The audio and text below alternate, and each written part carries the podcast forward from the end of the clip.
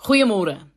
Nou vanoggend praat ek met jou oor die rowwe seisoen waar dit voel of jy nêrens uitkom nie. Nou ons kom die disippels af in Matteus 14. Hulle is op die meer in 'n storm vasgevang. Hulle roei vir hulle lewe. Hulle wou nie daar wees nie man. Hulle het net van tevore 'n ongelooflike wonderwerk beleef.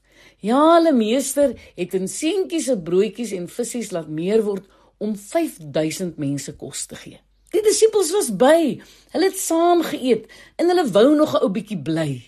Dan gee Jesus aan hulle 'n opdrag. Nou die King James vertaling stel dit sterk. Jesus constrained them. Dit beteken Jesus het hulle entoesiasme ingeperk. Hulle het nie 'n keuse gehad nie. Hulle moes in die boot klim en na die oorkant vaar. Hulle was nie net in die storm omdat hulle nie die weer gelees het nie. Hulle was daar omdat die Here hulle beveel het. En nou is hulle te midde van die storm en 'n vreeslike wind. Hulle is te diep die meer in. Hulle kan nou nie meer omdraai nie. En so sukkel en roei hulle reg teen die wind in. En hulle kom net nêrens uit. Die heel nag moet hulle teen die wind bly roei en stoei. En Jesus, Jesus het agtergebly om alleen te bid. Nou kan 'n mens begin redeneer.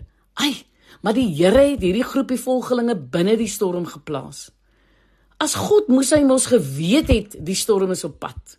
Hoekom het hulle Here dan toegelaat dat hulle so blootgestel word? Dit klink mos amper nie reg nie. Nou hier moet ons die drama verstaan hoor. Die storie bou op tot 'n klimaks. En dit is presies soos ons lewe as mense, maar ook as Jesus se volgelinge. Ons tref ook soms die rowwe seisoene waar ons soos die disippels binne 'n storm verkeer. Dan is 'n mens se reaksie om te vra, maar kon die Here dit nie gekeer het nie? Nou ons weet, God veroorsaak nie die donker tye en die slegte dinge wat met ons gebeur nie. Hy gebruik dit egter om ons te vorm. Ons besef die storie in hierdie rowwe seisoen bou op na 'n klimaks. Dalk is jy ook op 'n plek waar jy self die rede vir jou omstandighede is. Jy voel vasgekeer en jy voel vasgevang. Jy sien nie die pad uit nie. Dan kry jy die boodskap. God sal jou hierdeur sterker maak en so sy naam verheerlik.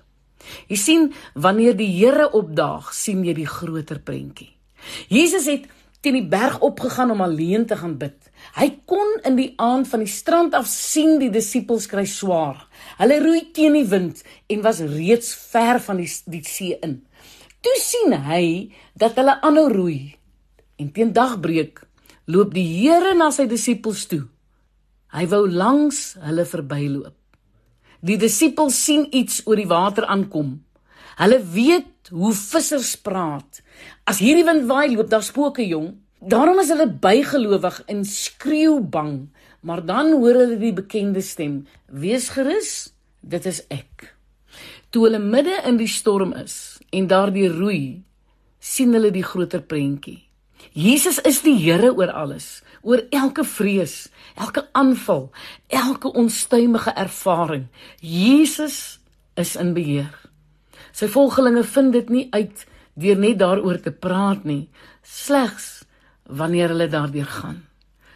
So, hulle was veronderstel om te onthou wat het vroeër die dag gebeur. Ongelukkig het hulle nog nie verstaan nie. Hulle moes nadink oor wat voor hulle oë afgespeel het. Jy kan nie dink hoe die disippels stadig aan begin begryp het. Hulle moes leer God is by ons op die rustige strand waar hy ons seën, maar hy is ook daar te midde van die woeste storms waar hy ons regop hou. Dis waar ons hom die nodigste het. En uit hierdie ervaring van die disippels leer ons ook 'n belangrike geloofsles.